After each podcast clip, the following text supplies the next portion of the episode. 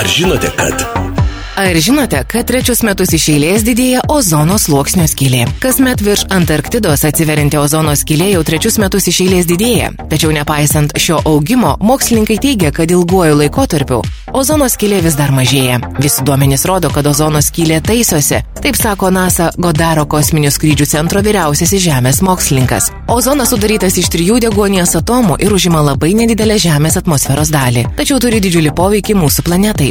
Antklodė primenantis sluoksnis, besidriekintis virš Žemės rutulio, sugeria žalingiausią ultravioletinę Saulės spinduliuotę ir saugo Žemės gyvybę. Ozonas susidaro stratosferoje maždaug 15-30 km virš Žemės paviršiaus. Jis formuojasi ultravioletiniai spinduliuotėjai skaidant įprastas deguonies molekulės, sudarytas iš dviejų O2 atomų. Praėjusio amžiaus 80-mečio pradžioje mokslininkai nustatė, kad ozono sluoksnis virš Antarktidos plonėja. Ozonas stratosferoje susidaro ir nyksta natūraliai, bet žmogaus sukelta tarša ozoną naikina greičiau, nei jis atsikuria. Ypač sparčiai ozoną naikina pramonės šakos, naudojančios chlorą arba bromą, pavyzdžiui, šaldimo ir oro kondicionavimo įrenginiai.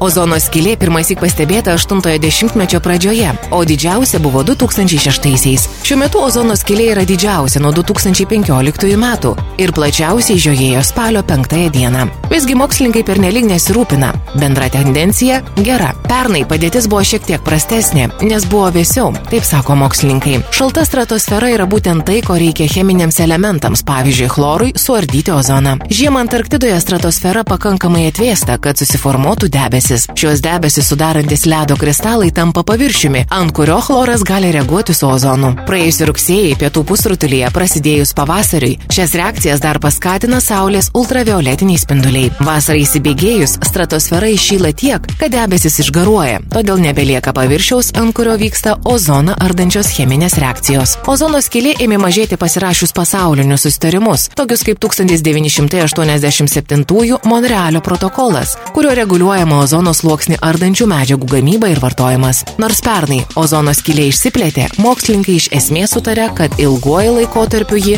traukiasi.